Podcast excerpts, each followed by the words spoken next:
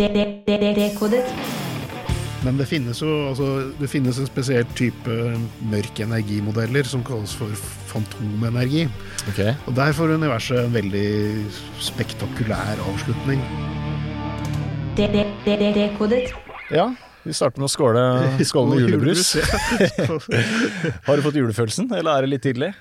Nei, den har begynt å komme allerede. Det er Ja. Snø ut og Jeg er enig. Fått, fått, fått opp juletreet. Og... Ikke sant? Julefølelsen, og så kommer omikron og ødelegger alt. Det var jævlig irriterende. Men Ja, sånn er det nå. eh, sånn er det. Vi eh, blir nok aldri kvitt den der driten her, har jeg innsett. Nei, ikke før Ikke før hele verden er vaksinert. Nei, og det kan jo ta sin tid. Ja, ja.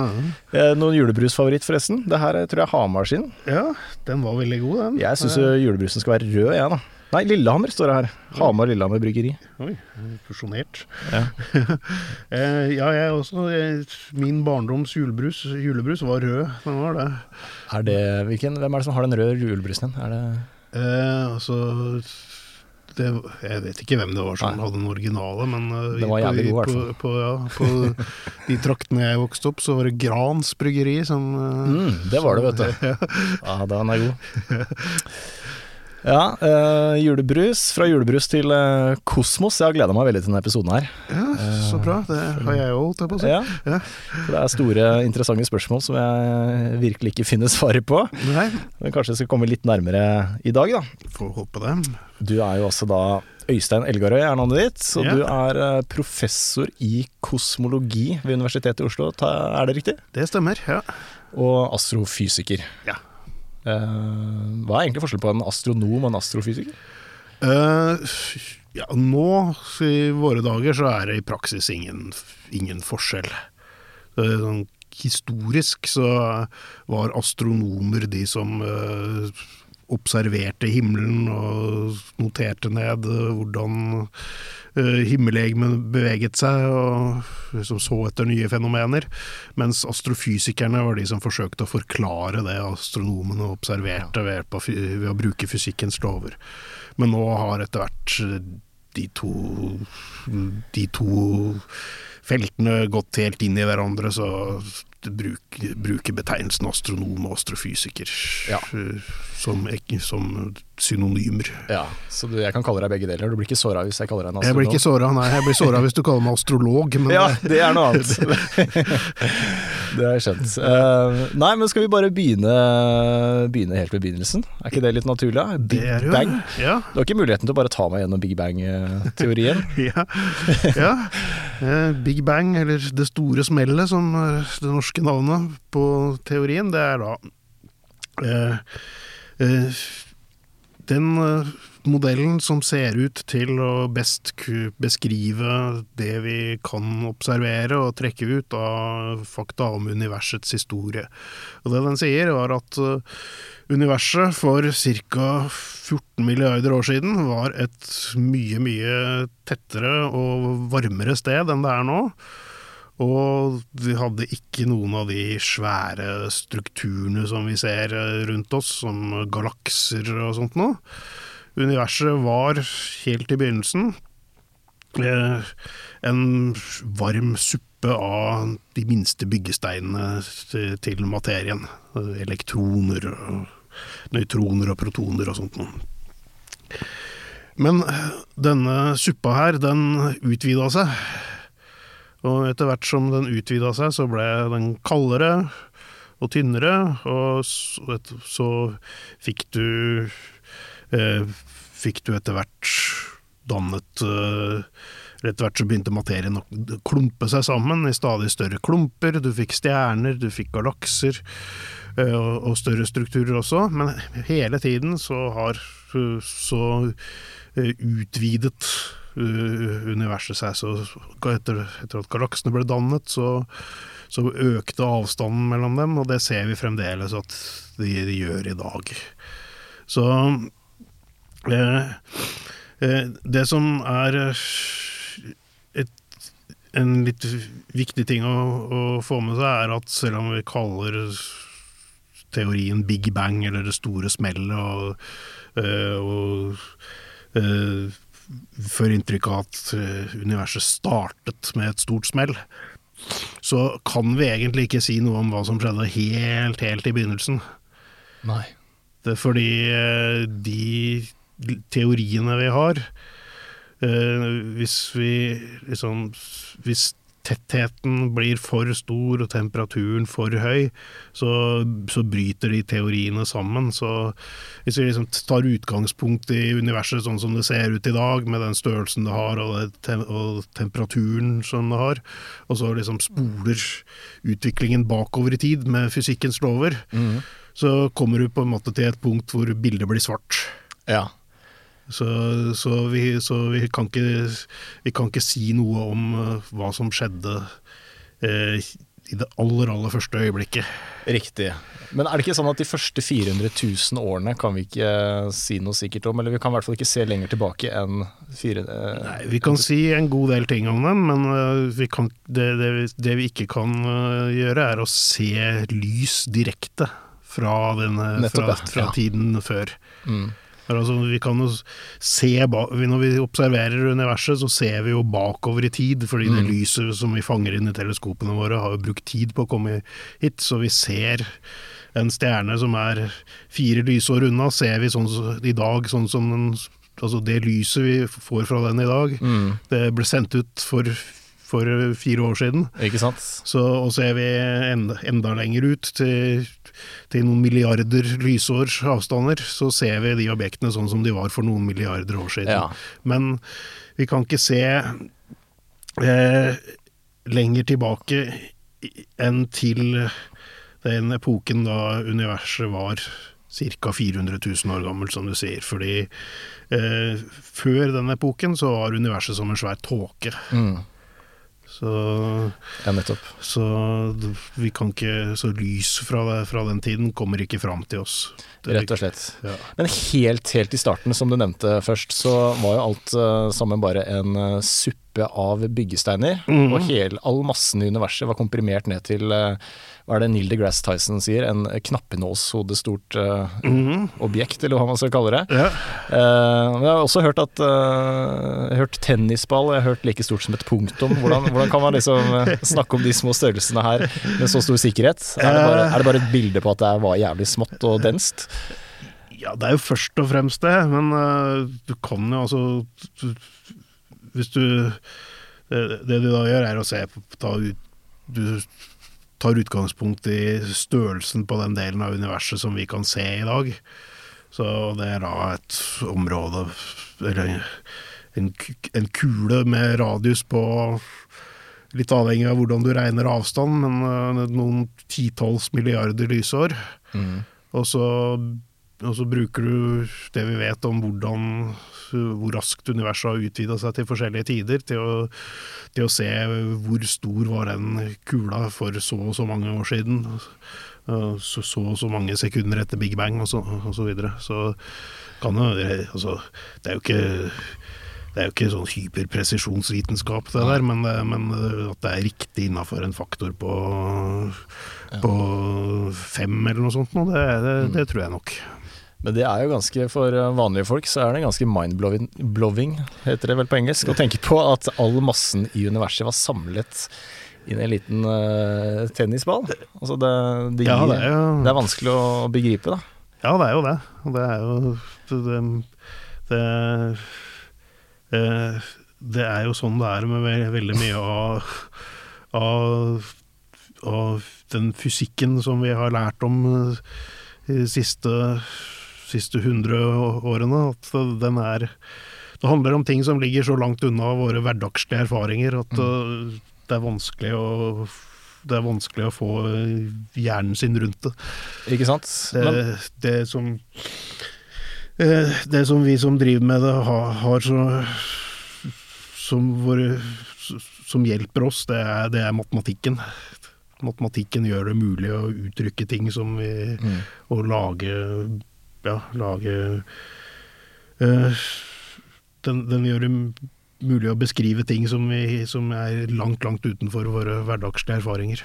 Riktig, men da har jeg litt lyst til å spørre deg det samme som jeg spurte Dag i Hessen om. Eh, det er dere, dere astrofysikere, eh, og sies f.eks. Einstein da, eller Stephen Hawking, og de eh, gutta der, tror du de forsto disse konseptene eh, tid og rom?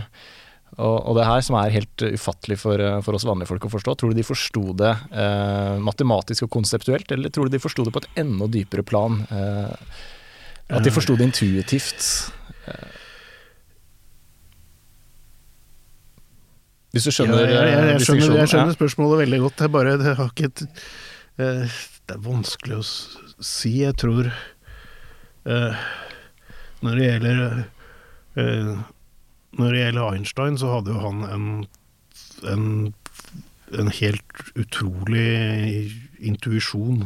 Mm. Fysisk forståelse av, av, ting. Han var jo mye mer enn Altså det, det, var mye mer det som var hans styrke enn eh, de matematiske ferdighetene.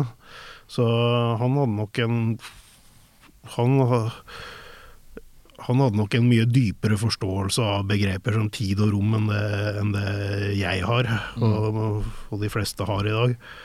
Uh, når det gjelder Hawking, så tror jeg nok han var Han var mer uh, en matematiker, kan du si. Mm. Selvfølgelig briljant, men om han hadde Jeg tror ikke han hadde den samme uh, fysiske teften for ting som det Einstein hadde. Nei, ikke sant? Men det er jo det er vel knapt noen gjennom hele historien ja. som har hatt. ja, for det er litt interessant, for jeg har lurt litt på om, det, om disse, forståelsen av tid og rom er kognitivt utilgjengelig for mennesker generelt, eller om det faktisk finnes noen få der ute som har en dyp forståelse av det. Og som du sier, muligens Einstein, da, men vi må opp på det nivået. Ja, men Jeg tror ikke han forsto det fullt ut, han heller. Nei, jeg tror det her er altså Ja, det kommer kom vi sikkert tilbake til etter hvert, men hva ja hva tid egentlig er. Det er eh, et, oi, oi. Det, det er et mysterium. Det er et mysterium, men eh, la oss ta det, da. Fordi ja. uh, når vi først er nede i kaninhullet her. Ja. Uh, var det noe før Big Bang? Uh, det eneste riktige, eller ærlige svaret på det, er at det aner vi ikke. Mm.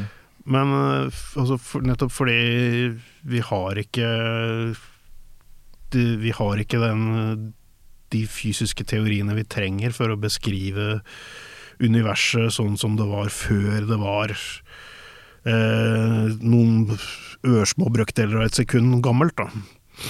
Men når jeg sier det på den måten, så, så høres det ut som jeg forutsetter at, at det hadde en begynnelse i tid. Og, men eh, poenget er altså, selv om vi ikke har de ha, har de ligningene vi trenger, så spekulerer jo folk på hvordan de ligningene ser ut, og kommer med forslag til liksom, så, sånn, kan vi, sånn kan vi forbedre teoriene våre og pushe, pushe forståelsen enda lenger tilbake i tid. Mm. Og da er det noen uh, forslag som åpner for at uh, universet uh, ikke har noe begynnelse i tid, men alltid har eksistert. Ja. At uh, eh, F.eks. at uh, altså før Det utvider seg nå, men før det så, så, så trakk, det seg, trakk, det seg, sammen. Mm. Så når du går uendelig langt tilbake i tid, så, så, så krympa universet, men så krympa det ned til en minste størrelse. Oi. Og så begynte det å utvide seg derfra. Yes, den uh, teorien har jeg ikke hørt før. Nei, okay, nei det, det, er, men det, det, er en mulighet. Ja. men så er det også forslag som innebærer at universet faktisk hadde en eh, Universet har en endelig alder, og, og noen tilfeller en begynnelse i tid, men Hawking var jo ja, lagde jo sammen med en amerikansk fysiker som heter Jim Hartle, en modell der universet ja, har en endelig alder, mm. men ingen begynnelse i tid. Å oh, ja. så. Så det har eksistert en endelig tid, men det fantes ikke noe første tidspunkt. Aha. Men jeg har lest en av de eh, bøkene til Stephen Hawking, i hvert fall en av de populærvitenskapelige bøkene hans, ja. og der mener jeg han argumenterte for at, uh, at man ikke kunne Altså, tid er noe som defineres innenfor universet, da. Så det, det å snakke om, om, tid før Big Bang, det blir som å stå på Sydpolen og, Ja. spørre om hvor, hvor er syd, liksom. Hvor er sør? Ja, det er sant, det. Så Altså, spørsmålet gir ikke mening. Men uh... Nei, altså Tid er jo også en, hva skal vi si, en egenskap ved, ved universet. Og Mm. hvis du ikke har noe univers, så har du ikke noe tid heller. Nei, ikke sant? så, så øh, Men eh, så det, så, det, så det er selvfølgelig en, eh, et slags svar på det, men eh, Hawking hadde da som sagt sin eh, en ja, en, en, favorittteori, da. for- Ja, riktig. Så, om at, at ikke bare Eller at universet faktisk kan ha eksistert en endelig tid uten at det finnes noe første tidspunkt. Riktig. Som ikke gjør meg så mye klokere, men det er da Men øh, er det riktig at det, Så her er astrofysikerne litt øh, delte, eller det er i hvert fall ulike teorier ute og går, da. Ikke sant? Både det at øh, tid ikke kan defineres uten rom, så det, er ikke, me ikke mening å snakke om tid før Big Bang, mens andre mener at at, ja, at det kan ha vært uh... Ja, at, at du kan Altså hvis at universet eksisterte før det vi kaller Big Bang. At, at ja. Big Bang det, det bare var overgangen fra én fase i universets historie til en annen. Ja. Så Hvilken øh, teori er du mest tilhenger av, da? altså Det blir jo Nå er vi på et område hvor det stort sett bare handler om smak og behag, fordi vi har ingen eh, observasjoner eller eksperimenter til å guide oss der. Så, men sånn ut fra hva jeg Ut fra min egen smak, så, så liker jeg best tanken på at universet alltid har eksistert. Mm. At, eh, at, eh, at eh, det vi kaller Big Bang var, var overgangen fra én epoke i historien til en annen. Ja, nettopp. Mm. Jeg syns også det gir eh, på en merkelig måte litt mer mening enn at, eh, at tiden oppsto samtidig som Big Bang. Ja. Men begge deler er Helt Ja, helt, alt, helt far out there. alt, alt, er, alt er rart og vanskelig å forstå, men i hvert fall Jeg syns det, det appellerer mest til meg. Ja. Eh, Spennende. Ja, tid er åpenbart noe som er vanskelig å begripe, men rom er jo heller ikke noe peanuts, akkurat. Um, Nei, er universet uendelig stort, eller er universet endelig? det er et av de spørsmålene som som eh, det er veldig vanskelig å finne ut av. I prinsippet så er det noe som eh, som Altså å, å, å få et så, så direkte Hvis universet er uendelig, å få et direkte eh, empirisk bevis på det vil jo være umulig, for det, altså, da måtte du Altså, Hvis du skal vise at noe er uendelig langt, så må du vise at du kan reise så langt du vil uten å komme til noen ende, men det, det klarer vi jo ikke å gjøre. Så kan bare, på endelig tid så kan vi bare reise et endelig stykke. Så, så, Ja. Men eh, det, det går an å Vi har jo øh, Vi har en type Altså, det finnes flere, flere matematiske beskrivelser av et Big Bang. Og en viktig forskjell på de matematiske beskrivelsene er hva slags eh, hvordan, hvordan rommet ser ut. Og, og hva slags type rom vi lever i, det er bestemt av en, en parameter som ikke er så vanskelig å fatte. Det er den gjennomsnittlige tettheten til universet. Mm. Så ved, ved å måle den gjennomsnittlige tettheten, så kunne vi i prinsippet avgjøre hvilken av de hovedtypene av univers som vi lever i. Problemet er at øh, de målingene vi har, viser at den tettheten er liksom akkurat på grensen mellom de tre Altså mellom de den, den, den har en verdi som med, med, innafor usikkerheten er, er konsistent med alle tre typene. Riktig. Og Tre, altså Snakker du om tre ulike geometriske former? Eh, jeg snakker om tre måter som rommet kan krumme på. Ja. Eh, når det gjelder geometrisk form, så er det enda mer komplisert. Okay. Fordi La oss si altså, det, så det vi kan bestemme, eller håpe på å bestemme, det er hvordan rommet krummer seg. Og det kan vi gjøre på tre måter. Den enkleste for, å, for å fatte, det er det vi kaller for et flatt rom. Det betyr, det betyr bare at uh, at uh, alt er sånn som vi er uh, vant til at det er fra skolegeometrien. Altså at summen av vinkelen i en trekant er 180 grader, og at omkretsen av en sirkel er 2 pi ganger radius og sånne Mm. ting. Så kan universet ha positiv krumning, og det er vanskelig å se for seg. Eh, fordi vi snakker om et tredimensjonalt krumt rom. Hvis vi, hvis, Ja, er- hvis vi tar vekk én dimensjon, da, Ja. så er eh, et, et eksempel på et uh, todimensjonalt rom med positiv krumning, det er f.eks. overflaten til en kule. Mm.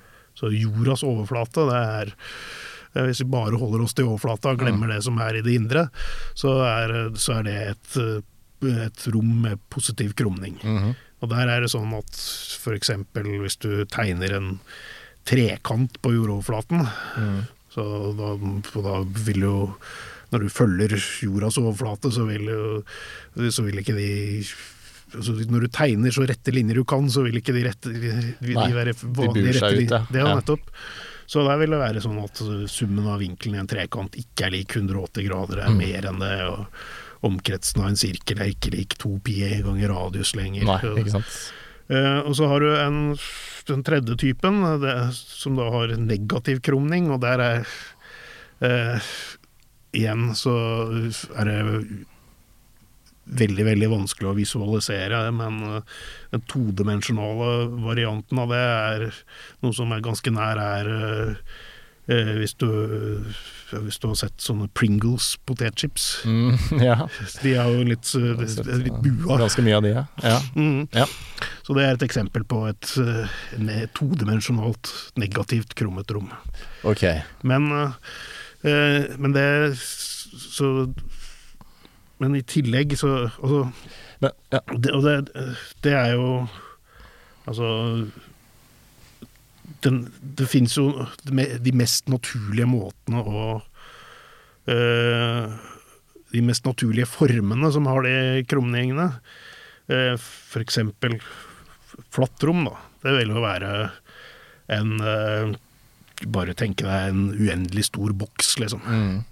Er, men så, så kan det være det, Rommet kan, hvis du tenker på formen på hele universet, så Mm. kan den være mer komplisert. Ikke sant? Fordi hvis du Hvis vi går tilbake til to dimensjoner Hvis du tar et papirark, Ja. så er det flatt. Ja. Og te, trekanter du tegner på det med linjal, vi vil ha, vil ha vinkelsummer på 180 grader osv.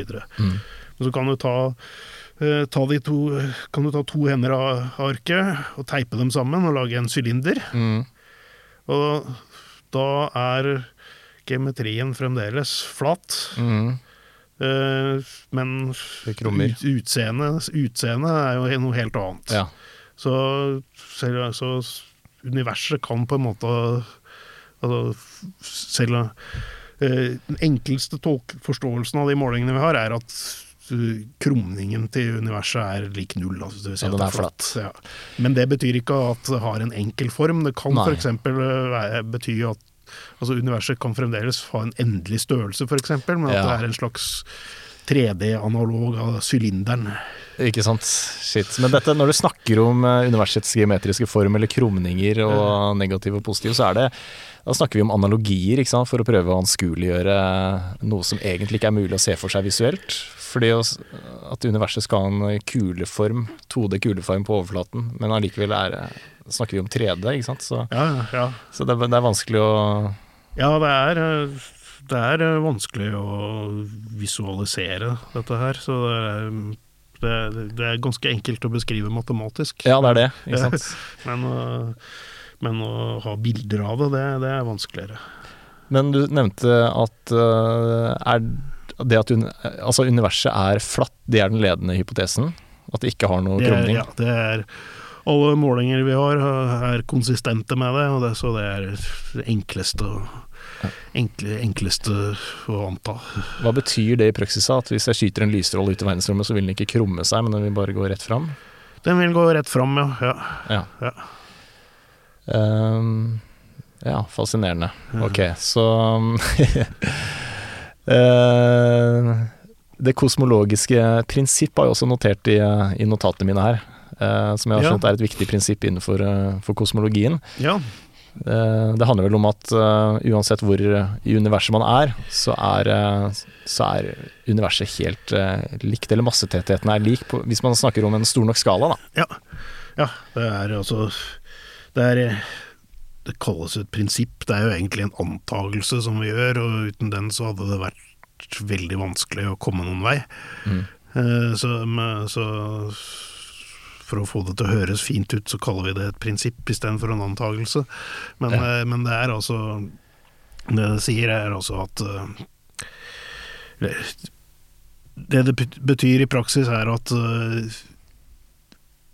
vi ville Vi og kosmologer som bor i en galakse langt, langt unna, vil komme fram til eh, Vi vil alle være enige om at eh, eh, om, om egenskapene til universet. Ja. Vi ser de samme egenskapene som observatører som befinner seg milliarder av lysår unna oss Mm. gjør, og vi vil alle være enige om at Big Bang-modellen er den beste, osv. Ikke sant. Mm. Hvis vi snakker om mindre skalaer, så gjelder ikke det prinsippet, for det er jo det er ikke massetettheten lik. Det er jo klumpa seg sammen i ulike strukturer rundt om. Nei, hvis det var sant, eh, absolutt, så ville jo universet vært dørgende kjedelig, for det ville Ja. ikke vært noe struktur i det i det hele tatt. Ikke sant. Det ville bare vært en jevn, grå masse. Nettopp.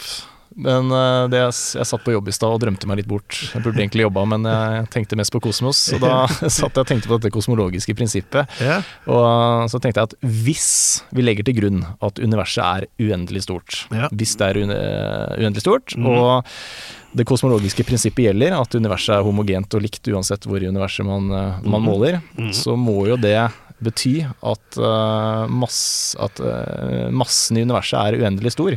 ja. Eh, men massen i universet kan ikke, være, kan ikke være uendelig med masse i universet, for det hadde ikke fått plass inni Per definisjon. Ikke, det kunne ikke komprimeres ned til en liten tennisball hvis det er uendelig med masse, tenkte jeg. ja. Så ergo det er- kan ikke universet være uendelig stort. Nei, det er Nei, det er eh, Det er eh, godt tenkt. eh. Men eh, hvis universet er uendelig stort, så må det ha vært uendelig stort fra børjan av. Ja, For det er søren meg sant. For det har bare utvidet seg en endelig tid. Ja. Så, så det, det Så er Måten vi må forstå det på da, er at uh, Big Bang ikke var uh, noe som foregikk uh, i et lite lokalisert punkt et sted i universet, men at det foregikk overalt. At, eh, så, at, eh, så vi bor inni, i det vi kaller for observer, det observerbare univers, er et li, bitte lite område ja. i et mye, mye større, eller et uendelig stort univers. da. Så vi kan følge vår, utviklingen til vår boble bakover i tid og finne ut at ok, for eh, 14 milliarder år siden så var den så stor som et knappenålshode. Mm. Men rundt det knappenålshodet så fantes det haugevis med andre knappenålshoder også, ja. så, som, også utvide, begynte, som også begynte å utvide seg. Så, så det er eh, Er det multiverse-teorien, eller? Det er én slags øh, Altså, det er den aller enkleste og aller minst kontroversielle formen for et multiversteori. Det er at Ja. altså, hvis universet er uendelig stort, så finnes det jo mer univers utafor det vi kan Mm. se. Det finnes områder som er så langt unna oss at vi Mm. ikke kan se dem i dag. Mm. Og så, så, så det er Men de vil da i denne enkleste varianten ikke være vesensforskjellig fra, fra vår boble, liksom. Mm. De samme fysiske lovene vil antageligvis ha Bortsett fra det kan være statistiske fluktuasjoner som lager noen forskjeller, men Ja. de vil være det vil være mer univers av samme type som vårt eget. ja. Jeg syns nesten det gir mer eh, mening, fordi hvis, eh, Mm. hvis dette universet er det eneste som eksisterer, og det ikke er uendelig stort, så får man det problemet at ja, men hva er utenfor da? Ikke sant? Ja, det er ikke et så stort problem som, som man kanskje skulle tro, fordi Altså, det går fint an her, Igjen, her er det Her er det matematikken som kommer oss til hjelp. Eh, Det går fint an å lage og beskrive matematisk et univers som er endelig i størrelse, Mm. men som, hvor det ikke fins noe ikke noe utenfor. Og det kan godt utvide seg. Mm. Så betydningen av at fysiske avstander innafor dette universet blir dratt ut etter hvert som tida går. Mm. Men uh, du trenger fremdeles ikke å referere til noe utafor. Det trenger ikke å utvide seg inn i noe. Det kan gjøre det, men, uh, men det trenger ikke. Uh, matematisk sett så funker det helt fint, så, så det er ikke noe Det er faktisk ikke noe stort problem. Nei. I hvert fall ikke matematisk, men eh, det er jo lite tilfredsstillende å ikke forstå det kognitivt. Men det må man bare er Jeg er akseptere. blitt, jeg er blitt så avstumpa på det. området. Ja, man blir sikkert det. Så snakker om det her hver eneste dag. Ja, ligningene forstår det, da trenger Ja. ikke jeg å forstå det. Men du har jo denne bolledeig-analogien som jeg, Ja. jeg tror du skrev om i boka di. Det kan jeg forresten nevne. 'Astronomi en kosmisk reise'. Det er jo det den samtalen her er basert på. I hvert fall eh, ett kapittel i den boka her, da. Mm, ja. Som eh, Det er vel egentlig en lærebok, er det ikke det? Det er en lærebok som vi bruker i et kurs på Universitetet i Oslo. Men uh, den kan leses. Må ikke være astrofysikerstudent for å ha nytte av den her. Både, både kurset og boka er beregna på folk som ikke har noen spesiell bakgrunn i matematikk eller naturfag. Så Ja. Takk for det, det var deilig. Men eh, du skriver i hvert fall om denne bolledeig-analogien, som Ja. er en slags beskrivelse av hvordan universet utvider seg. ja. At det er jo, hvis rosinene da er eh, skal- ikke planeter, men eh, galakser, ikke sant? så er det ikke galaksene som beveger seg fra hverandre, men det er rommet mellom galaksene. Ja, nettopp. Men når man tenker på en bolledeig som hever, så tenker man at den hever inn i noe, inn i lufta rundt. Nettopp. Men det Nettopp. Det er det som er uh, uh, Ikke sant eh, Det er fint å kunne, å kunne lage Eller bruke analogier fra, fra hverdagen for å, forsø, for å forsøke å klargjøre begreper og, i, i fysikken. Eh, Men eh, de analogiene er har ofte sine begrensninger. Mm. Og det, den, denne bolledeigmodellen er fin for å, for å for, forsøke å skape en forståelse for at uh, når, når, vi sier at universet når vi sier at galaksene beveger seg vekk fra hverandre, uh, så, så betyr ikke det at de suser av gårde gjennom rommet, men at, uh, at rommet mellom dem utvider seg. Det er det vi mener med et ekspanderende univers. Eh, og da er bolledeigen fin, fordi rosinene de er på vei vekk fra hverandre, men de lokalt så ligger de dønn i ro i forhold til deigen rundt seg. mm. Så det er deigen som eser ut, og som får rosinene til å flytte seg vekk fra hverandre. Ja. Eh, Men det, altså, den modellen har jo den begrensningen at den selvfølgelig da skaper et bilde i hodet om at det, det finnes noe utafor som Mm. denne deigen utvider seg inn i. Og det, men eh, det trenger det altså ikke å gjøre med, med universet. Så ofte så en annen, et annet bilde som vi bruker på akkurat det, er eh, du tar og fester mynter på overflaten av en ballong, og så blåser du opp ballongen. ja.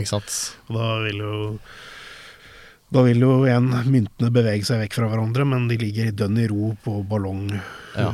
ballongstoffet. Men, men ballongen eser ut, og derfor så Ja. beveger myntene seg vekk. Men da kommer ikke sant, da får du igjen det skaper jo et bilde av at ok, men ballongen den utvider seg jo inn i noe. I tillegg så Ja. får du også så er det jo alltid et eller annet som blåser opp ballongen. Ja, ikke sant. Så det er ikke noe perfekt analogi her, altså, for å beskrive dette. Nei, men dessverre så finnes det nesten ingen perfekte analogier. Så det vi må prøve å være flinke til, er å er å, for, og, og det har ikke jeg vært i boka, å si fra om begrensningene til analogiene. Ja, men det vi i hvert fall vet, er jo Det som er helt sikkert, er at universet ekspanderer. Eh, med økende hastighet. Men eh, lenge så var det jo en oppfatning om at eh, universet var statisk. Til og med Einstein trodde at universet var statisk, stemmer ikke det? Det stemmer, ja. Han var fullstendig overbevist om det. Og det var jo altså, De hadde jo ikke grunn til å tro noe annet. De hadde ingen observasjoner som tyda på noe annet. Så, og altså da Einstein uh, lagde sin første kosmologiske modell, som var statisk, så visste man jo heller ikke Man var, var ikke sikker på at det fantes andre galakser. Nei. Så han visste kun om Melkeveien? Var... Han visste kun om Melkeveien, ja. Det var, altså, det var en debatt som pågikk på den tiden om eh, naturen til det som de kalte for spiraltåker. Ja. Debatten gikk på om dette var uh, Om disse spiraltåkene var en, var, hørte til Melkeveien, eller om de var store systemer av stjerner som Melkeveien, så lå langt, langt unna. Mm. Det var det siste som, eh, som viste seg å være riktig, men det ble først avklart på, på, på rundt 1924-1925. Mm. Så Einstein eh, konstruerte sin kosmologiske modell i 1917. Ja, riktig. Så han tok utgangspunkt i at universet var Melkeveien. Og at, ja. og at uh, det var et system som ikke endret seg med tiden. Nei. Riktig. Hvis jeg husker riktig fra boka di, så skjønte Einstein det at uh, pga. gravitasjonskreftene så måtte universet nødvendigvis enten uh, ekspandere, mm. eller motsatt, da, implodere. Ja. Uh, så han fant opp da denne kosmologiske konstanten mm. uh, for å kunne regne ut dette matematisk. Ja. Uh, men den, den, kosmologiske konstanten, det er ikke noe altså Det er bare en matematisk konstant for å få ligningene til Einstein til å gå opp. Ja, det den beskriver er, ikke noe mer enn det. Nei, det er uh, Den Den kan tolkes på flere måter. Sånn som Einstein skrev den ned, så kan, kan se på som at rommet har en iboende tendens til å utvide seg. Eh, men eh, så, sånn som vi En mer så mer moderne forståelse, så, så syns de fleste er mest naturlig å tenke på det som et, et frastøtende bidrag til tyngdekraften. Ja, riktig. Det var jo det Einstein trengte, fordi, fordi masse har tiltrekkende tyngdekraft. Så vil, liksom, hvis du har en haug med med, med, stjerner eller galakser, så vil de ha en naturlig prøv, ha en tendens til å kollapse. Mm. Så han trengte noe som kunne skyve dem fra hverandre like ja. mye som de falt sammen, og balansere systemet. Så, så derfor så, innførte han den kosmologiske konstanten. Ja. Eh, og på en måte så var det en helt riktig ting å gjøre. Det var en litt adhoc-motivasjon han hadde mm. selv for å gjøre det. Men, Snedig triks. Ja, men, han, men det var altså eh, de, de prinsippene som han bygde den generelle relativitetsteorien på, eh, tillater at det finnes en sånn kosmologisk konstant. Og da er det på en måte den riktige tingen å gjøre, å ha den med i ligningene. Og mm. bruke observasjonene til å forsøke å finne ut av størrelsen på den. Mm.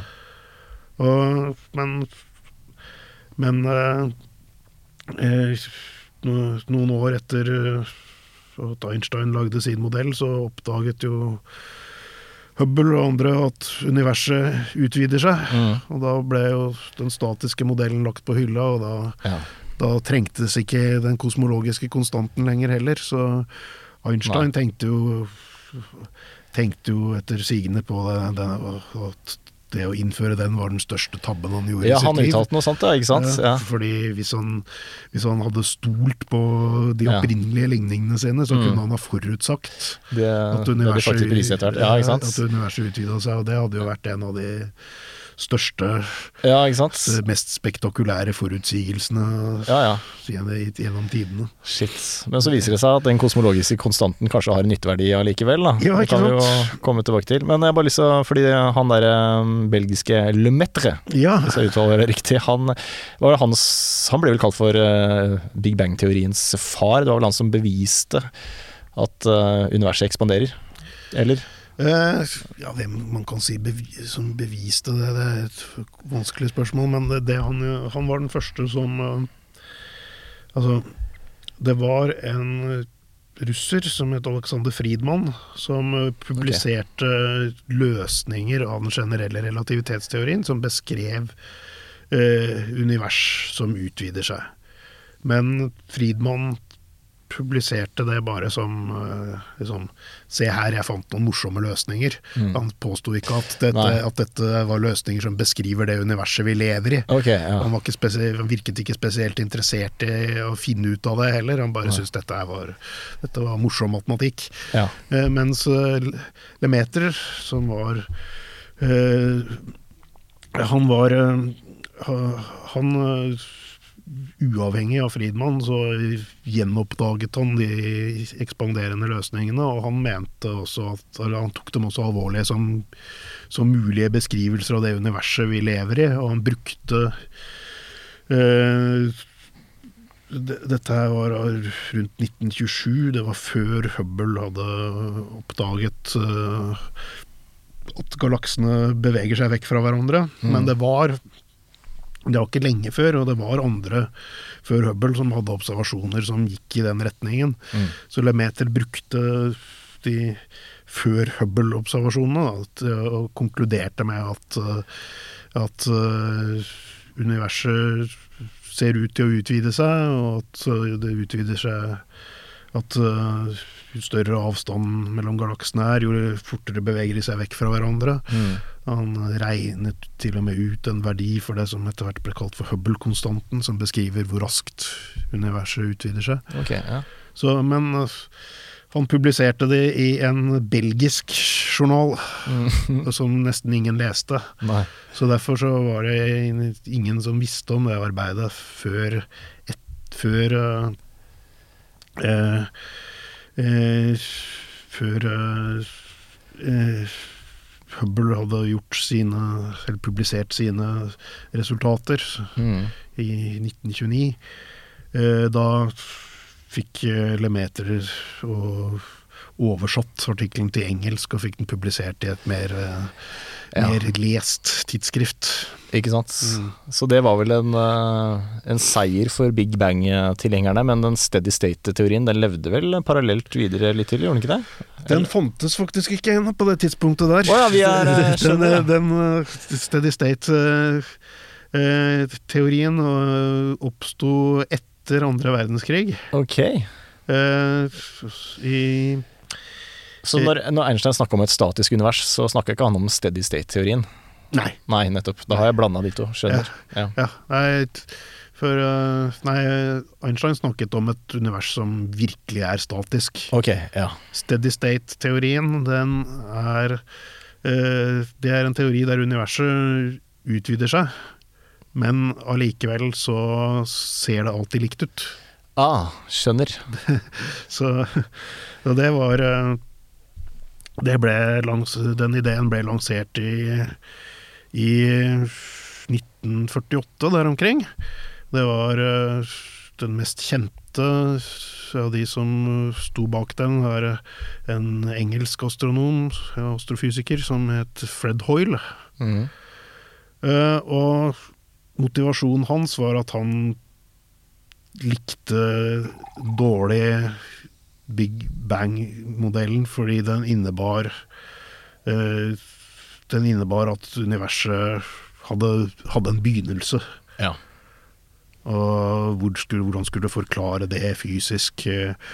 han, og hvis universet uh, Dessuten, hvis universet har forandret seg med etter hvert som tiden har gått, hvordan kan vi være sikre på at de ligningene som vi bruker i dag, i alt for vel, Ja. veldig lenge siden Så han og, eh, og samarbeidspartnerne hans, eh, Herman Bondi og Thomas Gold, de, eh, de innførte et prinsipp som de kalte for det perfekte kosmologiske prinsipp. Oh, ja.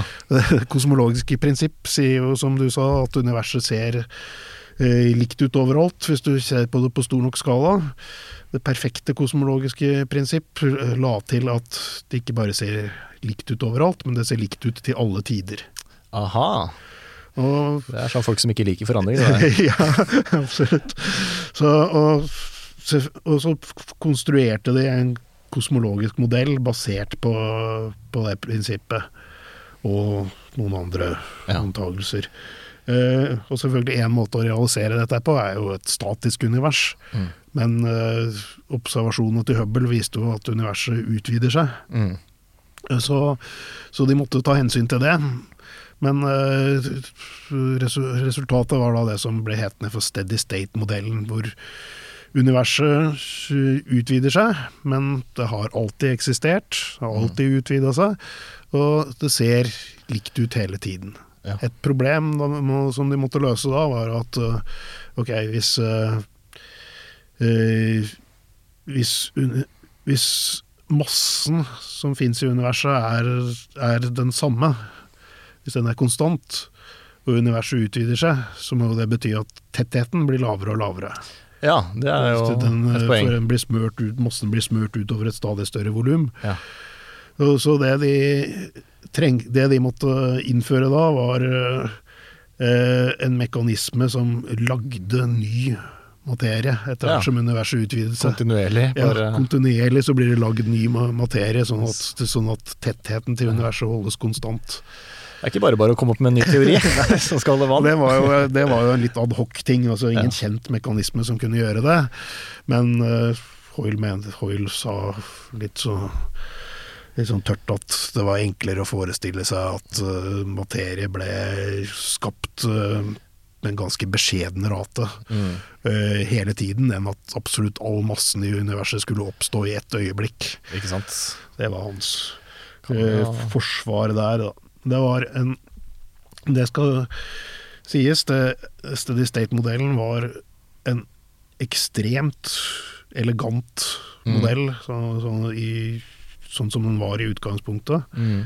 Eh, Det perfekte kosmologiske prinsipp var liksom nok til at du fikk en modell som Uh, hvor det egentlig bare var én parameter som, uh, som du ikke kunne regne ut oh, ja. på forhånd, som måtte måles, og det var utvidelseshastigheten til universet. ja. Alt annet var mer eller mindre bestemt av, at, uh, det- at, uh, av det perfekte kosmologiske prinsipp. Så uh, en viktig lærdom fra, fra Steady State-modellen er at vakre teorier kan være, kan være ruskende Ja. gale. Så selv om matematikken ser pen ut, så er det ikke nødvendigvis sant. Ja, for uh, vi som driver med mer teoretiske delene av kosmologien og fysikken, vi har en tendens til å Bli forført av blir gode forført ligninger. av, av, av vak vakre ligninger. Nettopp, ja. Så hvis, en- hvis en teori ser pen ut, så har vi en tendens til å både ønske og tro at den også Ja, er riktig. Men uh, steady state-modellen er eh, estetisk, eh, fra, ja, matematisk, mye, mye penere enn Big Bang-modellen. Ja, skjønner. Men, Mm. Eh, men den er da feil. Rett og slett, dessverre. Ja. Så, okay, så etter andre verdenskrig så var det to, eh, to leirer, kan man si. da. De som trodde på Steady State, og de som trodde på Big Bang. Ja. Eh, og spikeren i kista for eh, Steady State-teorien, det var vel da de oppdaget denne kosmiske bakgrunnsstrålingen. Ja. Som mange regner som en bekreftelse på at Big Bang-teorien Mm. er den mest plausible. da. Ja. Men hvorfor, hvorfor beviser kosmisk bakgrunns, mikrobølgebakgrunnsstråling at Big Bang-teorien er sann? Eh, den eh, Ja, den uh, Det den først og fremst beviser, er at steady state-modellen ikke kan være riktig. Ok. Så Og i årene like før oppdagelsen av den kosmiske bakgrunnsstrålingen, så var det også kommet andre observasjoner som talte mot steady state. Fordi en konsekvens av steady state er jo at uh, universet alltid ser likt ut. Så det, har- det har på en måte ikke noen historie. Mm. Uh, men uh, så begynte man å finne noen rare rare kilder som kaltes for radiogalakser, og andre som kalles for kvasarer. Mm. Det er eh, Vi vet nå at det er fenomener som skyldes eh, supermassive svarte hull som befinner seg i sentrum av galakser. Eh, men uansett, eh, poenget var at man så veldig mange flere av disse, den typen kilder langt unna oss Mm. enn i våre nærområder. Okay. Milliarder av lysår unna, så fantes det mange av dem rundt oss. Ikke fullt så mange. Og når vi da, når vi da ser langt ut, så ser vi også langt tilbake i tid. Mm. Så det betyr at det fantes Det så ut til å bety at det fantes flere, flere kvasarer og radiogalakser eh, for mange milliarder år siden enn det gjør i dag. Ja. Og det taler da for at da universet har utviklet seg på en eller annen måte. Mens ifølge Steady State så skulle ikke det ha skjedd. Det skulle være like mange av dem rundt oss i dag som det fantes den gangen. ja. Men så kom da den kosmiske bakgrunnsstrålingen, som eh, etter hvert ble spikeren i kista. Fordi eh, det er altså stråling som er I Big Bang-modellen så er det veldig lett å forstå hvorfor den fins. Den er på en måte helt det er helt nødvendig at den skal eksistere. Fordi eh, Big Bang sier at universet for lenge, lenge siden vi var en tett, varm suppe. Mm. Eh, og da og, da, og, den var, og denne varme suppa var i det vi kaller for termisk likevekt.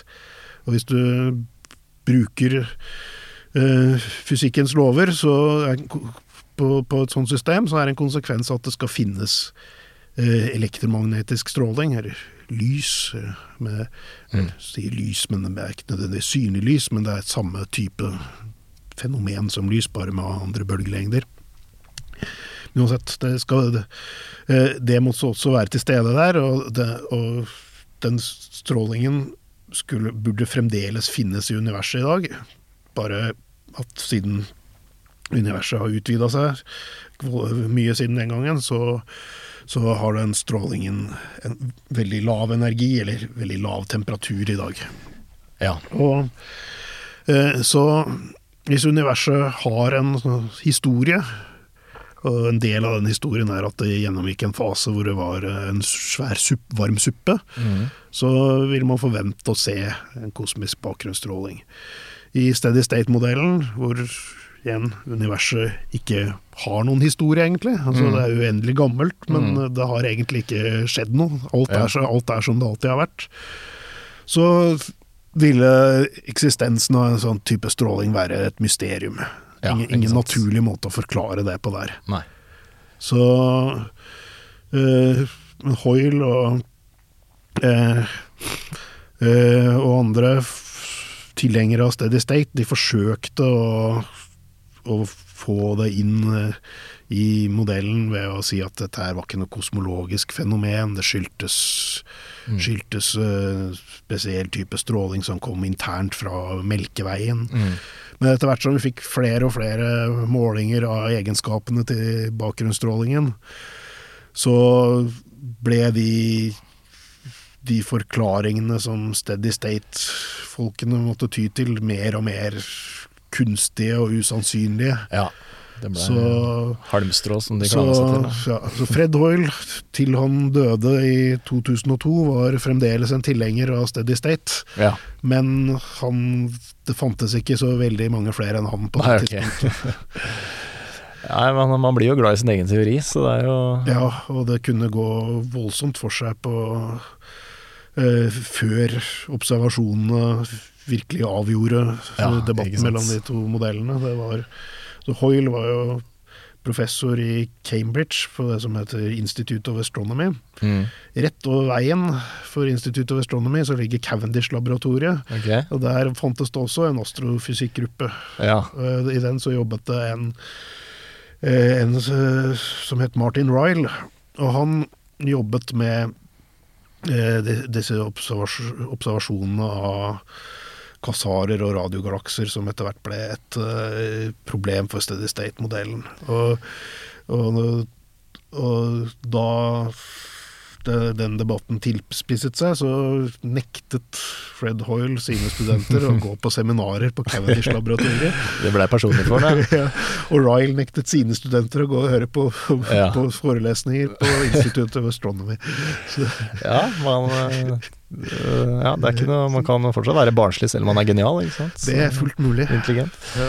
Men ok, så denne kosmiske bakgrunnsstrålingen, den er altså rundt oss overalt, ikke sant? Ja. Så den, den kan ikke komme fra en eller annen fjern galakse, for den er eh, alt uh, Den kommer fra alle retninger og har de samme egenskapene mer eller mindre uansett hvor- Ja. hvilken retning du ser i. Så den må komme fra denne eh, suppa helt i starten. Det er det Mm. som gir mening. Ja. Skjønner. Ehm, ok, da har vi i hvert fall uh, landa det at Big Bang-teorien er den mest eh, plausible. Mm. det forskerne også har funnet ut, har jeg skjønt, er at eh, universet ikke bare ekspanderer, men eh, ekspanderer eksponentielt, eller i hvert fall så ekspanderer det med høyere og høyere hastighet. Eh, og man er ikke helt sikker på hvorfor, Nei. men uh, kosmologisk eh, konstanten til Einstein er én teori. Eh, Mhm. Mørk energi, som ingen helt vet hva er, er en annen teori. Eller så er det det at man kanskje må se på å endre på Einsteins uh, uh, gravitasjonslover, rett og slett, for å få det til å stemme, er det ikke det? Ja, stemmer. Ja. Ja, hva, hva heller du mot der, da?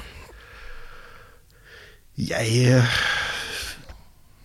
heller vel mot at det er den kosmologiske konstanten. Du er glad i den konstanten? Ja. Altså, glad og glad, det, den er på en måte Altså det, det finnes ingen grunn Det finnes ingen teoretiske grunner til at den ikke skal være der. Nei.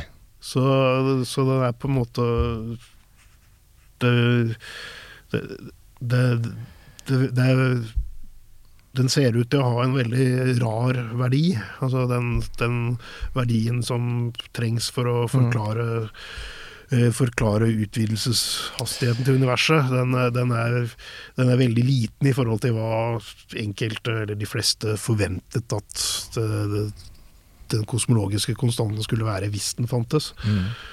Men utover det så er det Så er det eh, Så er det liksom Man trenger ikke å finne opp noen ny fysikk for, for, å, for å forklare at universet akselererer, hvis man, hvis man aksepterer den kosmologiske konstanten. Men det betyr ikke at vi ikke skal at vi ikke skal teste andre alternativer. Det må vi jo gjøre. Men er ikke den kosmologiske konstanten bare et, eh, et tall, for den representerer vel ikke et fysisk eh, konkret fenomen? Eh, Sånn som mørk energi er jo Det ligger jo i ordet, det er jo energi, Ja. eller tror man i hvert fall, men den konstanten det er jo bare et tall, er det ikke det? Som uh, gjør at matematikken går opp? Uh, den eh, Ikke helt. Okay. Fordi det man ble klar over etter hvert, er at hvis, hvis kvantefysikken sier at uh, hvis du fjerner alt som er fysisk mulig å fjerne, uh, så vil det allikevel finnes noe igjen. Ok. Eh, måten vi tenker på elektroner, for eksempel, i, i fysikk nå, det er at eh, de er, elektroner er eh, forskjellige tilstander i et felt som vi kaller for elektronfeltet. Mm. Så det feltet, det kan ha øh, Det kan ha et elektron med så og så mye energi som beveger seg den veien. Det kan eller kan ha haugevis av elektroner som beveger seg i bane rundt et atom. Eller, eh, men, men det kan også Men Den enkleste tilstanden du kan tenke deg for feltet, er en tilstand hvor det ikke fins noen elektroner til stede. Okay, ja. Men, men det kvantefysikken sier, er at energien til feltet i den tilstanden ikke er lik null. Okay. Den har, det feltet har en energi, selv om det ikke fins noen partikler til stede. Okay. Og, og den energien viser seg, den oppfører seg akkurat som en kosmologisk konstant. Aha. Så, så det er eh, så det, det, det er det vi kaller for vakuumenergien. Ja, ok, ja. Vakuumene- Vakuumenergien, den, eh, den oppfører seg akkurat som en kosmologisk konstant. Så, det, så, så, så det har en, du har en sånn fysisk bakgrunn for, eh, Ja. for den kosmologiske okay, konstanten. skjønner. Ja, skjønner. Uh... Problemet er bare at uh, hvis man eh, forsøker å regne ut hva teorien sier at denne vakuumenergien skal være, Ja. så får du et resultat som er eh, mye, mye, mye mye større enn den eh, verdien som trengs for å forklare observasjonene. Ok, så, Så- matematikken går ikke helt opp her. Nei. Det Og tolkningen av, det, av, av, av den miseren der, som de fleste slutter seg til, er at vi, altså, vi forstår ikke Mm. Vi forstår ikke egenskapene til vakuum godt nok. Så, Nei, nettopp. Ok, så da så, så, så, mens, mens eh, de store teoretikerne på 1700-tallet slet med trelegemeproblemet i gravitasjonsteori, så er vi nå kommet til det tidspunktet at vi ikke forstår et system hvor det ikke finnes noen legemer til stede i Nei. det hele tatt. Skjønner. Så, Ok, nei, men det ga litt mer mening når du forklarte det nå. Så Ja. den kosmologiske konstanten, det er altså vakuumenergi, da. ja, energien uh, til ingenting. Energien til ingenting. Ingenting har faktisk en energi. Ja. Ok. Men så har du de som er tilhengere av uh, mørk energi-teorien. Hva, hva tror eh, astrofysikere at mørk energi er for noe? De som tror på det, da? Nei, det, de tror jo på veldig mye forskjellig, fordi det finnes hundrevis av mørke energimodeller. Ok. Eh, det finnes, Du kan jo dele dem inn i noen brede klasser, men eh, Men altså, de, i bunn og grunn så handler det om at eh, ok, vi trenger vi trenger et eller annet stoff som kan lage frastøtende gravitasjon for Mm. å forklare at universet akselererer. Så da da prøver vi oss, vi gjetter på hva det stoffet kan være, og hva, hva, hvilke egenskaper det kan ha. Og så, og så ser vi hvilke andre konsekvenser det ville hatt for, for universet, og forhåpentligvis så kan vi gjøre observasjoner som kan fortelle oss om modellen er riktig. Men det er altså, Det finnes, Ja. finnes talløse talløse ideer om hva det kan være. Ja. Da jeg var ganske fersk på det området, sånn på begynnelsen av 2000-tallet, så fantes det eh, fantes det en, eh, en teori som Eller en mørk energimodell som kaltes for The Kardashian Model. Å ja. The Kardashian Model. Men det hadde ikke noe med de, de, de, søstrene å gjøre. Det var visstnok en eh, i, sta, en i Star Trek eh, så fantes det visst også en rase med aliens okay, som, som, ja. kal, som, som kaltes for The Kardashians. Kardashians. som oppkalt, oppkalt etter dem. Ja, ok. Ja. Den modellen har forsvunnet ut av bildet. Men det finnes eh, veldig mange Veldig mange rare ideer om hva den mørke energien kan være. Ja. Og det er jo en mulighet her også at den slett ikke fins. Det er det absolutt, Ja. ja. At det er uh, vår forståelse av hvordan tyngdekraften oppfører seg som Ja. er noe feil med. At, at uh, Einsteins generelle relativitetsteori kanskje ikke stemmer helt på når vi ser på de største avstandene i universet. Ja. Uh, så, så det er Det er, Det er den tredje muligheten her, ikke sant? det er den tredje muligheten, Ja.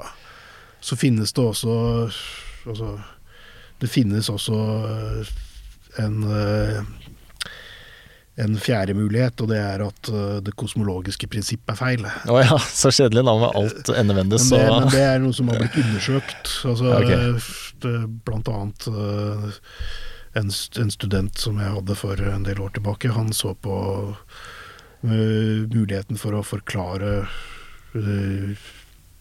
Forklare akselerasjon uten mørk energi, hvis du antok at universet hadde en tetthet som varierte med avstanden fra oss. Ok, ja. Men eh, så Så det viste seg at det, det kunne fungere, men, ja. det, men det fungerte bare hvis vi var i sentrum, eller ekstremt nær sentrum av universet. Så det ville plassert oss i sentrum av universet igjen. Ja, ok.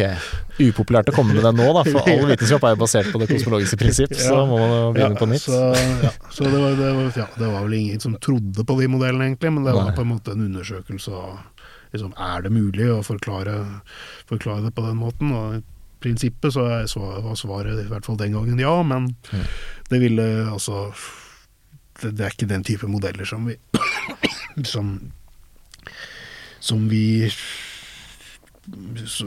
som vi tror har noe for seg. Nei, riktig. Ja. Så, nei, så blant annet på instituttet der jeg jobber, Institutt for teoretisk astrofysikk, så, så er det mange som er interessert i å undersøke eh, alternativer til den generelle relativitetsteorien.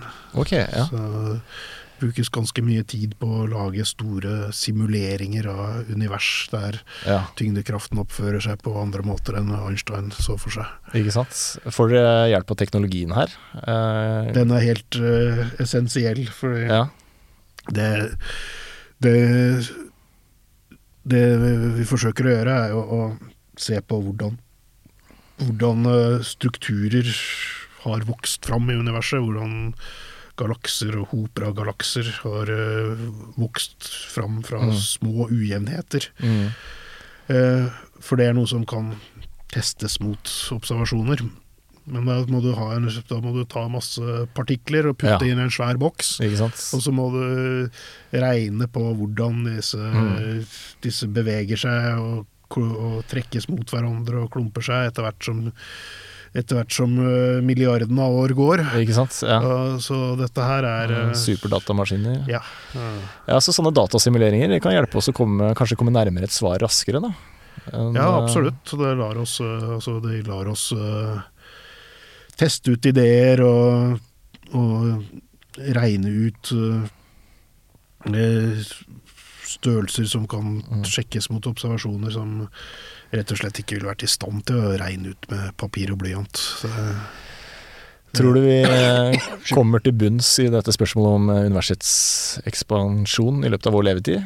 Eller er dette så store spørsmål som Eh, om et annet problem, eh, mørk materie, som vi ikke har Ja. snakket om ennå, men eh, så skrev jeg i en populærvitenskapelig artikkel i 2005 at eh, jeg er helt sikker på at vi om 10-15 år vet hva den mørke materien er. Ja, det er 15 år senere, så sitter vi her. Ja. Da kan du jo svare.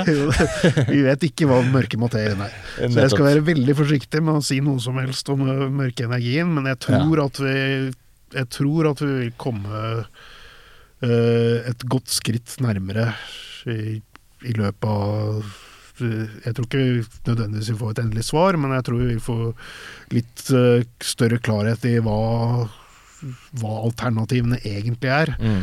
i løpet av ti års tid. Ja.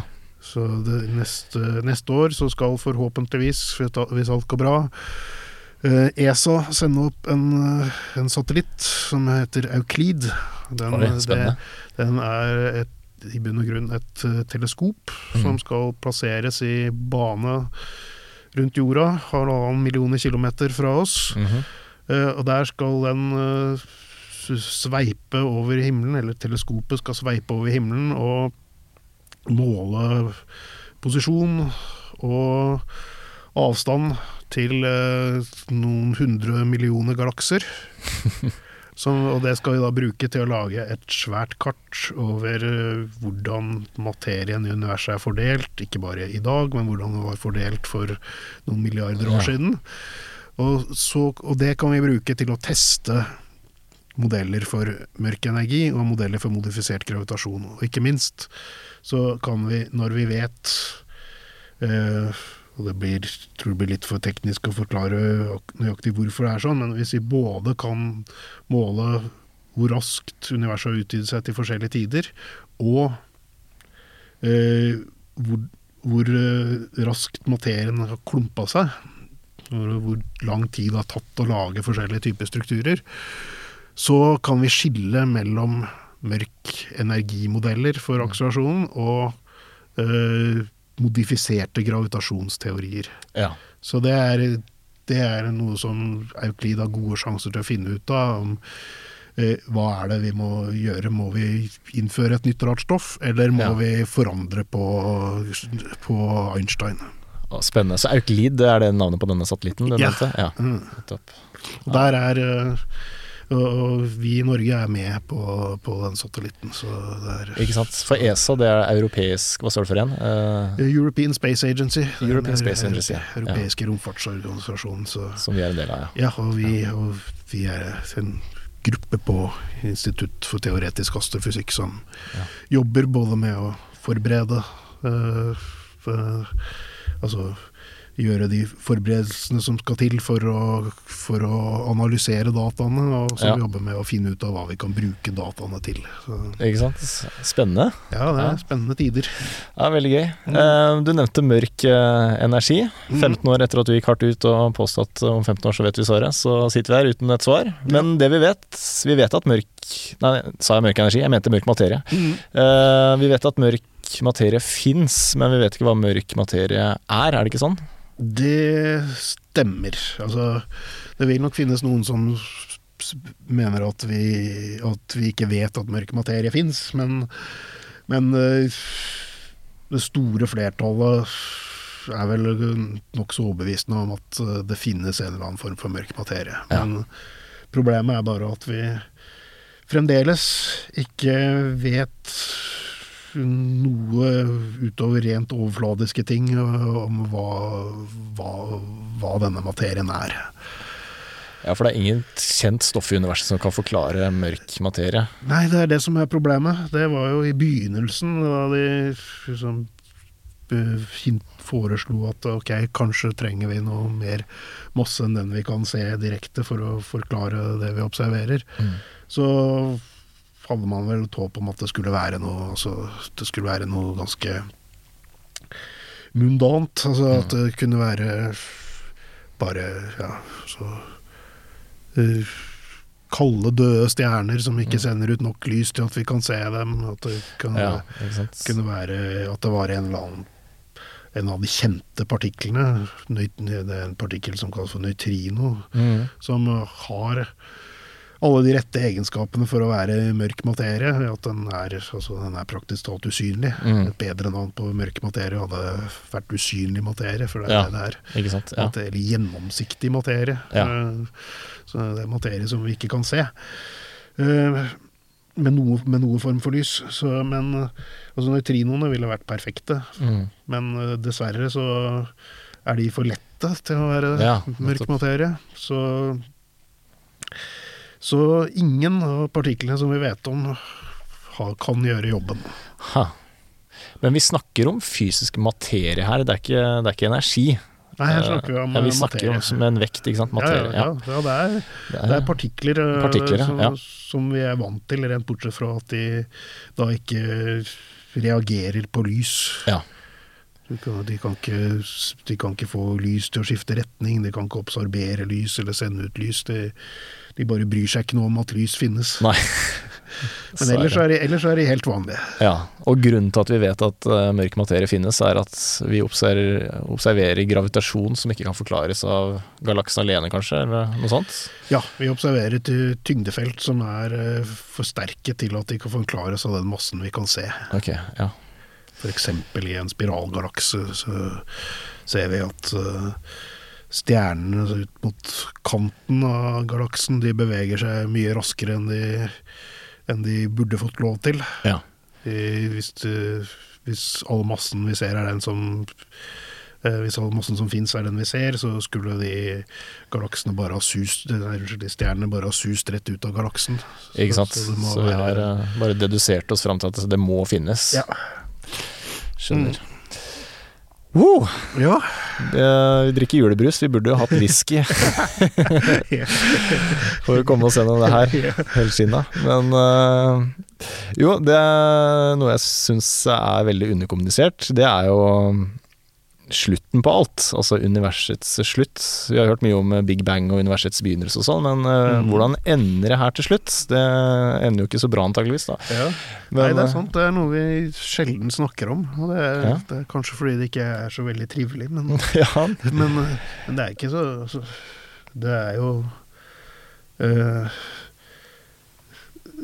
det, det er jo så langt frem i tid at det burde ikke bekymre oss nei, vi lever ikke da. Det er andre ting som, som burde bekymre oss mer. Men nei, det Altså, hvis Hvis det er den kosmologiske konstanten som forklarer eh, akselerasjonen, og hvis alt annet som vi tror vi vet eh, om, om universet ser, stemmer sånn noenlunde, Mm. så vil jo enden på det hele bli relativt kjedelig. Altså, Ja. etter hvert som eh, Etter hvert som eh, eh, Altså, stjerner vil fortsette å, å, å, å bli dannet og utvikle seg og, og dø. Mm. Men eh, etter hvert som eh, etter hvert som flere og flere generasjoner av stjerner har, eh, har passert, så, så vil eh, så vil eh, den gassen som fins, som, bruk- som brukes til å lage nye stjerner, har blitt tilført så mye, mye tynge, tunge grunnstoffer at du ikke Mm. vil få dannet nye stjerner mer. Nei, Så da blir det slutt på det. Og så utvider jo universet seg hele tiden. Og en konsekvens av det er at langt, langt inn i fremtiden så vil eh, alle galaksene som ikke er bundet til oss Mm. i Melkeveien via tyngdekraften på en eller annen måte, de vil forsvinne ut av syne. Å, deprimerende tanke, da. Jeg er Helt alene. ja, og, og, altså, og eh, den kosmiske bakgrunnsstrålingen vil bli så svak at vi ikke lenger kan observere den. Mm. så faktisk så har det blitt skrevet artikler om hvordan Altså i, langt inn i fremtiden så vil det ikke lenger finnes spor etter, etter Big Bang. Nei, okay. Så, så kosmologer som, som lever på den tiden, vil aldri være i stand til å komme fram til at universet hadde Nei. startet i et Big Bang. De vil bare se, de vil bare se noen, sånn, noen titalls galakser som ligger spredt rundt Melkeveien, og, Ja. og ellers er universet tomt. Nettopp. Men uh, utover det, at fremtiden er kjedelig for kosmologer, så er det også kjedelig for universet generelt. Altså, øh, det vil bli Det vil bli tynnere og tynnere, og internt innenfor galaksene så vil jo da, som stjernene dør ut, så vil også øh, over veldig lang tid så vil, øh, så vil alt som er igjen være svarte hull. Ja, ok. Og, og, men svarte hull, som Hawking viste, sender antageligvis ut stråling. Ja. Så det vil jo være enden på visa. Da, at når det har gått veldig veldig lang tid, så vil Ja. disse svarte hullene også ha forsvunnet. Og alt som er igjen, er strålingen de sendte ut. Og den strålingen vil da bare suse gjennom et univers som blir stadig tommere og stadig kaldere. Dette er ikke noe hyggelig. Det er kjedelig, i hvert fall. Ja.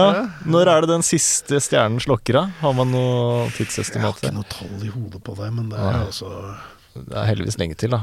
Men er vi Ja. over halvveis, tror du?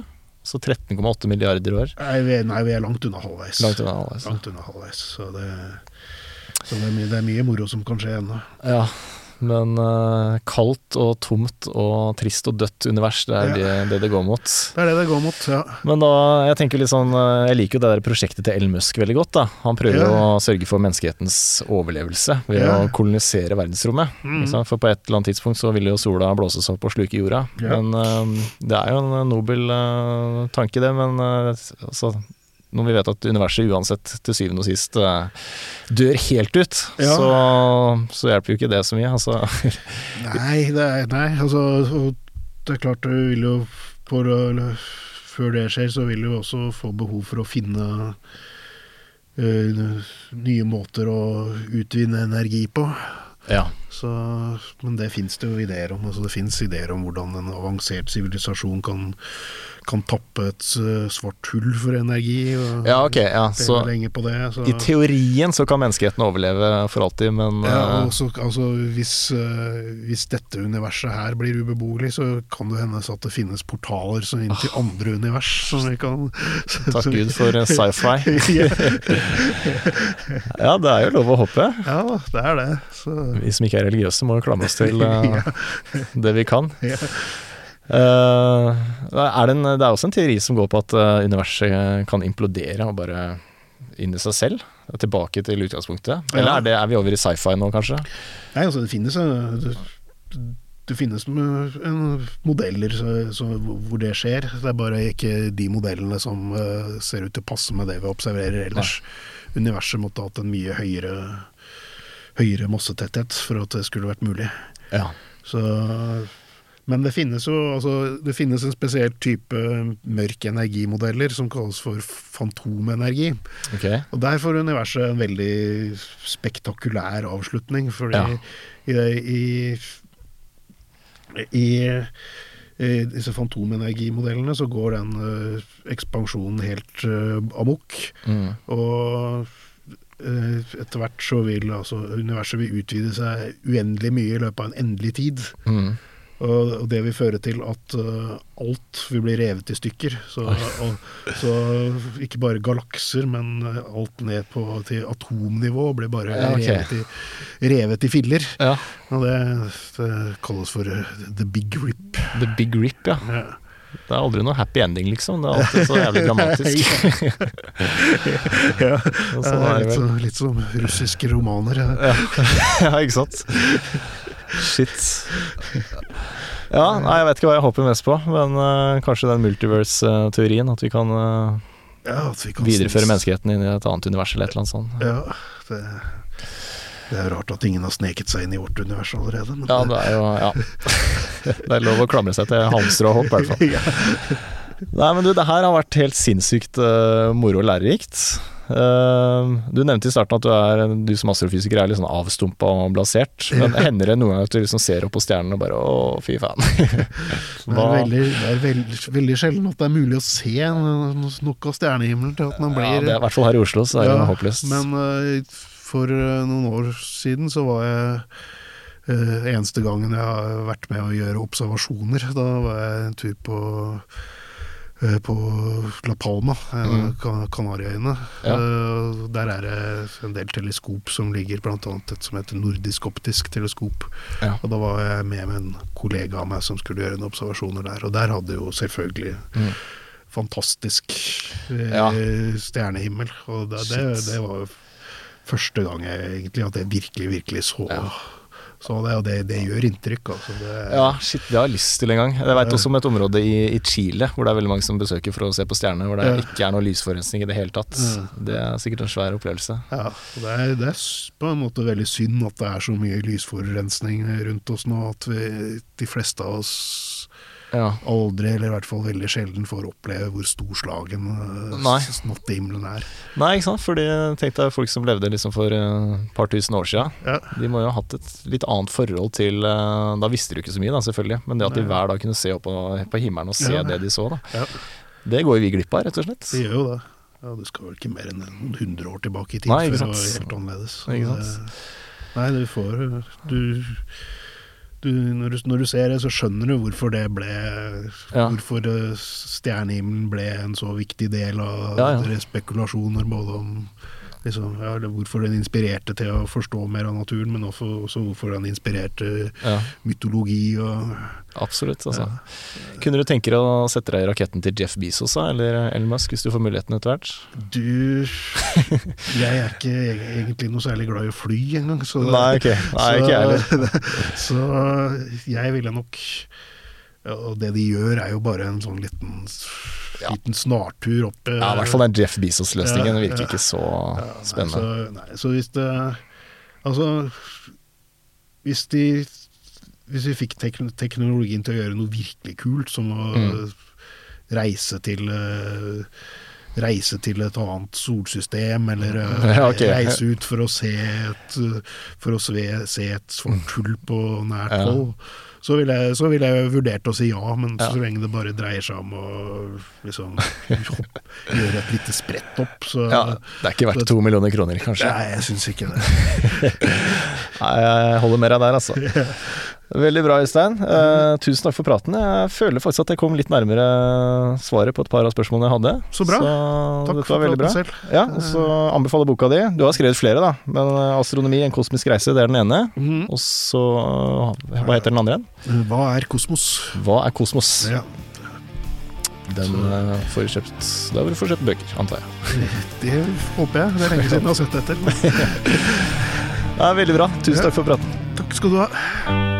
Denne podkasten er produsert av Tid og List.